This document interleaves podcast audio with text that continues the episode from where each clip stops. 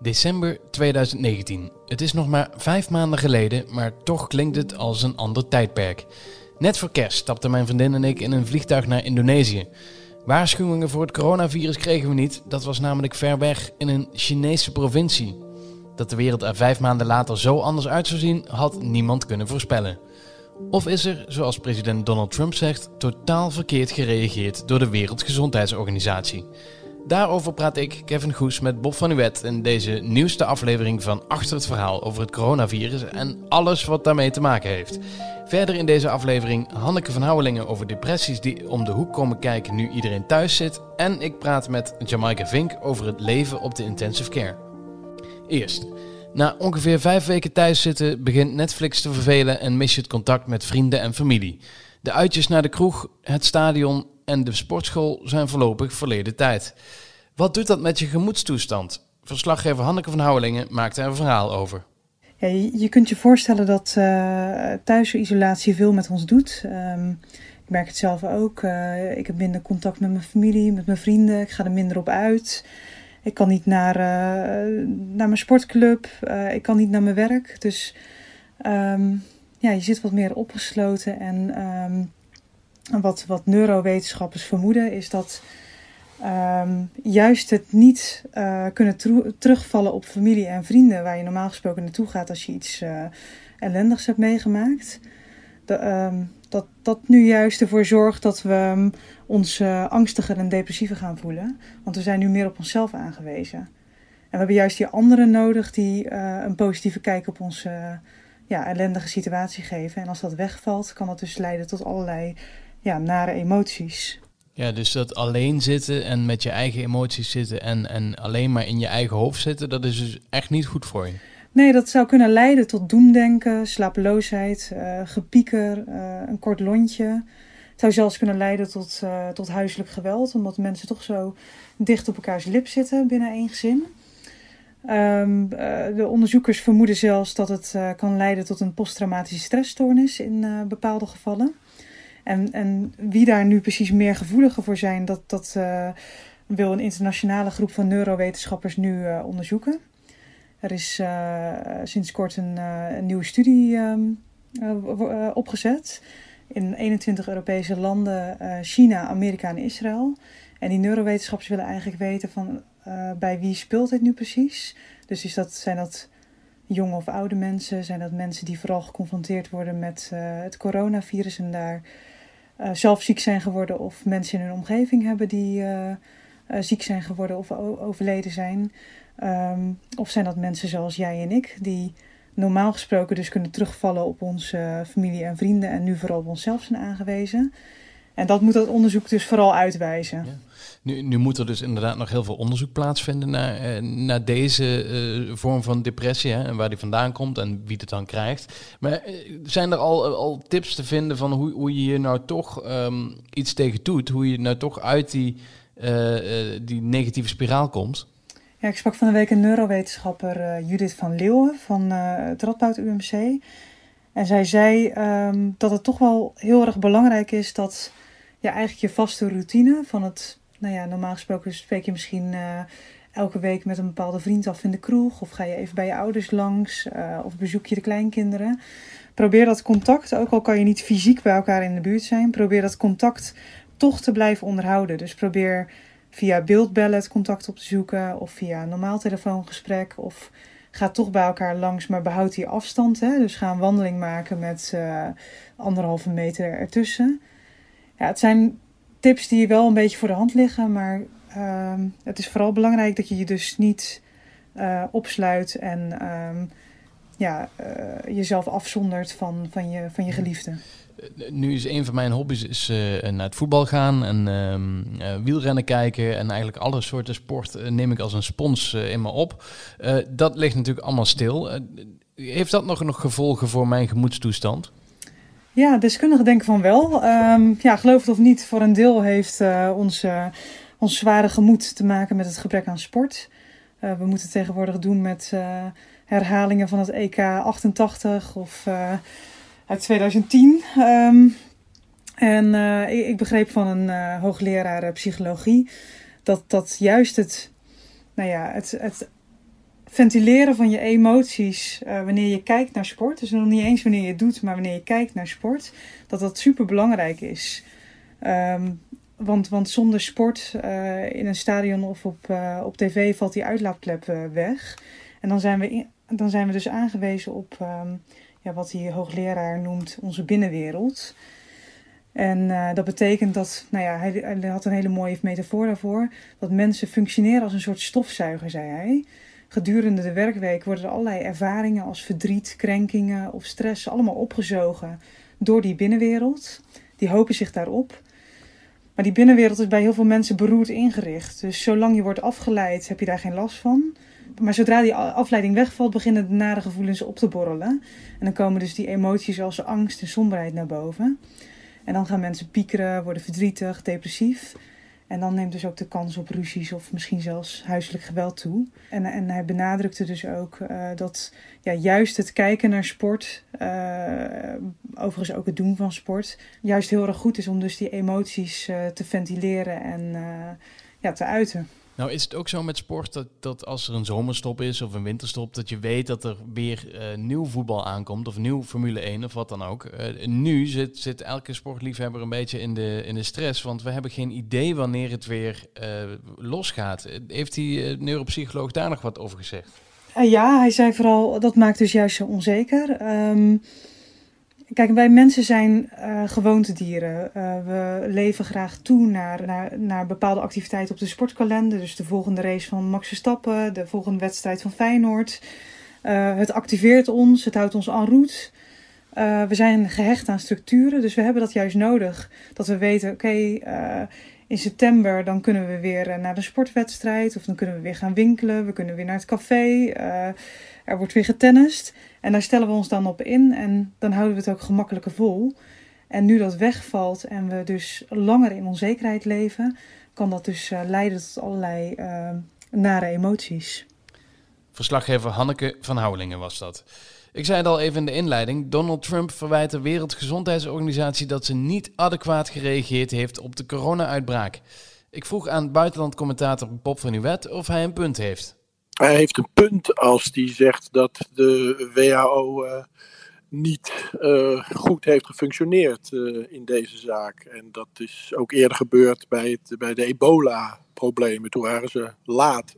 En in dit geval kun je zeggen dat de WHO wel heel erg op China is afgegaan. En ook heel snel was met uh, complimenten aan China over hoe zij dat hebben aangepakt. En nu blijkt dus dat de cijfers die China heeft verstrekt vanaf het begin misschien niet helemaal klopten. Ja, want als je het vergelijkt met de cijfers in andere landen, dan zou je zeggen in China zou het veel hoger moeten zijn geweest. Hè? Ja, ja, en in China zijn de cijfers ook uh, regelmatig bijgesteld. Dat is ook in, in, andere landen gebeurd. Bijvoorbeeld in, uh, in, in Nederland en in België toen men de, de, de sterfgevallen uit de bejaardenhuizen ging meenemen. Maar China heeft best wel vaak de, de, de cijfers veranderd. En en ook mensen die kritiek hebben gehad in China, die, die, die zijn de mond gesnoerd. Dus heel erg betrouwbaar is het inderdaad niet wat er uit China is gekomen. Maar goed, uh, Trump die, die heeft gisteravond die persconferentie gehouden. Was daar keihard tegen de WHO. Terecht, hè, zeg je, op, op sommige vlakken. Maar het is natuurlijk ook een soort van afleiding van hem, hè? Ja, dit was zijn wekelijkse, of nee, sorry, zijn dagelijkse persconferentie. En die hoort dan te gaan over de pandemie en, en alle problemen die daarmee hebben te maken. Maar Trump gebruikt dat ook heel duidelijk als een platform voor zijn herverkiezing. En gisteren um, ja, werd hem het vuur best wel weer uh, na aan de schenen gelegd over wat heb je nou zelf gedaan. Hè, om, toen je wist van dit komt eraan, hoe was onze voorbereiding in Amerika? Nou, die was niet zo sterk. En je merkt dan dat Trump uh, bezig is om een, uh, om een zondebok te zoeken. Zo van, uh, het ligt niet aan mij. heeft hij zelfs al een keer letterlijk gezegd, hè, it's not my responsibility. En ja, China en de WHO, die hebben het nu dus gedaan. Ja, hoe wordt daar in Amerika op gereageerd? Ik heb vorige week ook even met Carlijn van Houwelingen erover over gebeld. En die, ja, die zegt toch dat er een soort van tweespalt is. Uh, zie je dat nou nog steeds? Want hij wordt wel steeds harder aangepakt door journalisten. Um, ja, hij wordt harder aangepakt. Maar de, de, de feiten waarmee die om de oren wordt geslagen, die zijn ook steeds, uh, ja, daar, daar, kun je niet meer omheen. Hè? Dat, dat onderzoek van de New York Times, dat kan ik je echt aanraden om daar eens naar te luisteren uh, of, naar, of dat te lezen. Ja, dat is dodelijk. Daaruit blijkt dat er echt veel tijd is verspeeld. En uh, dat heeft ook zijn weerslag in de, in de opiniecijfers. Je ziet dat uh, uh, Trump nog steeds uh, bij zijn aanhangers kan hij natuurlijk niet kapot, maar bij de Amerikanen in het algemeen ziet hij, waren de laatste cijfers, dat maar 45 procent um, ja, goedkeurt wat hij, hoe, hij, hoe hij dit aanpakt. En dat daalt. Daartegenover zie je dat de gouverneurs, hè, dus die de baas zijn in de verschillende staten, de percentages daar stijgen. Dus meer Amerikanen uh, geloven, vertrouwen hun gouverneur dan dat ze de president vertrouwen. En dat is wel een uh, veeg teken voor Trump. En waarschijnlijk heeft dat ermee te maken dat hij nu zo uithaalt. Mhm. Ja, hij gaat dus vol voor een herverkiezing in, uh, in november. Zou dat plaats moeten vinden? Nou ja, hoe dat plaats gaat vinden, dat is altijd nog de vraag. En of het wel plaats kan vinden, die hele verkiezing. Zijn tegenstander Joe Biden wordt sinds gisteren ook gesteund door Barack Obama, de, de oud-president. Um, is dat blok, denk je, sterk genoeg om, uh, uh, ja, om, om, om, weerstand te bieden? Nou, ik heb zo mijn twijfels, want uh, Joe Biden heeft ook al de steun gekregen van Bernie Sanders. Hè, dat was dan de meest linkse democraat. Punt is hier ook dat Joe Biden komt nou ook niet echt naar voren als een inspirerende leider. Hè. Dus dus ja, wat dat betreft heeft Trump denk ik niet zoveel te vrezen. Trump heeft het meeste vrezen van zichzelf. Met, van zijn uh, rare uitspraken, van de onderschatting van het probleem. Van zijn, zijn ruzies op dit moment met de Wereldgezondheidsorganisatie. Je zou zeggen, er is wel wat, wat belangrijkers uh, aan de orde. Dus ja, hij is, de, staatsman die hebben we nog niet gezien. En dat is ook zijn, zijn risico. En dat probeert hij ook op allerlei gekke manieren weer, weer te ondervangen. Trump maakt hier politiek van. Bijvoorbeeld, hè, de Amerikanen krijgen uh, een, een, een, een check uh, thuisgestuurd. Dus mensen die zijn ontslagen krijgen van de centrale overheid geld.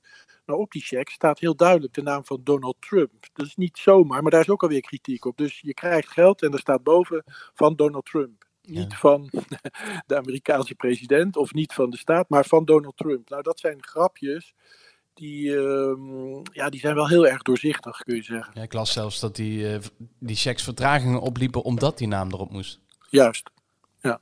Bob van Uwet. Jamaica Vink maakt al weken dagelijks een verhaal met intensivist Michael Frank van het Albert Schweitzer ziekenhuis in Dordrecht. De vorige keer dat ik Jamaica sprak, waren er nog geen patiënten overleden in dat ziekenhuis. Maar daar is inmiddels verandering in gekomen. Vorige week is de eerste patiënt overleden op de IC.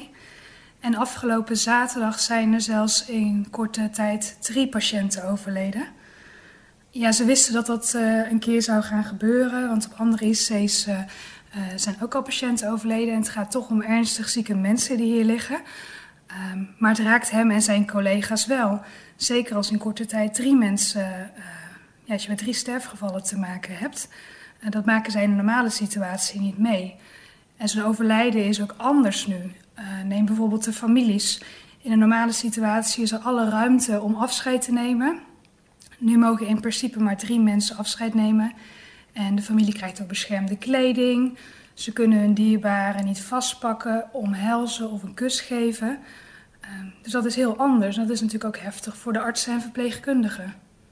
Ja, toen, uh, toen wij elkaar de eerste keer spraken, toen omschreef je Michael Frank als een beetje een coole kikker. Hè? Hij, had, hij liet nog niet heel veel emotie zien. Is daar verandering in gekomen? Nou, hij is, hij is geen coole kikker. Um, maar toen ik hem in het begin sprak, toen um, was het ook nog een beetje stilte voor de storm. Dus het was heel erg afwachten wat gaat er op ons afkomen. En ze waren nog volop bezig met opschalen, meer bedden, meer personeel. Um, en dat was een soort militaire operatie waar gewoon heel veel aandacht in ging zitten. Um, en nu kan die gewoon eh, arts zijn en, en hoeft hij daar niet over na te denken. Um, en er is ook wel wat veranderd op de IC. Want in het begin, ja, natuurlijk vier patiënten is, is elke patiënt is er één te veel. Maar de afgelopen weken is de IC echt langzaam, ja, zelfs bijna volgelopen, zeg maar. Ze hebben echt een week lang op het randje van vol gezeten. Ehm, dus er liggen nu echt wel heel veel ernstig zieke patiënten. En dan komen er ook nog patiënten te overlijden. Ja, dat is natuurlijk heel heftig.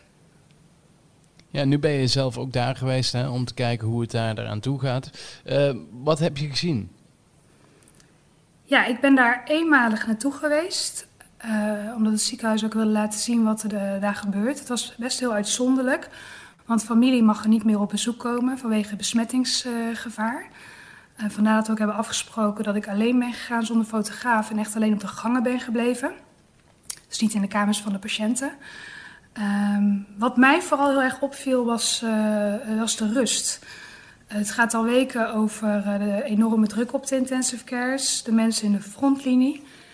En dat klopt allemaal uh, zeker. Alleen ja, je verwacht dan ook een enorme hectiek uh, daar. En dat, dat is niet zo. Het is heel rustig.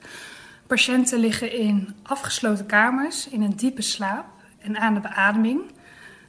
Um, en die artsen en, en verpleegkundigen die lopen over de gangen en die hebben een aantal patiënten onder hun hoede. Maar eigenlijk is het dus heel rustig, niet de frontlinie die ik, die ik had verwacht. En dat was Jamaica Vink. Achter het verhaal is er snel weer met een nieuwe aflevering. Die kun je natuurlijk op onze site luisteren, maar ook via Spotify of Apple Podcast. Tot snel.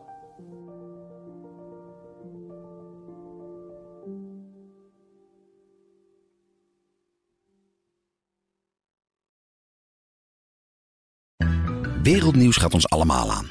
Maar als het nieuws gaat over je stadje, je buurtje of je straatje, dan voel je, dit raakt. Daarom lees je in het AD alles over het nieuws in de wereld, Nederland en jouw regio.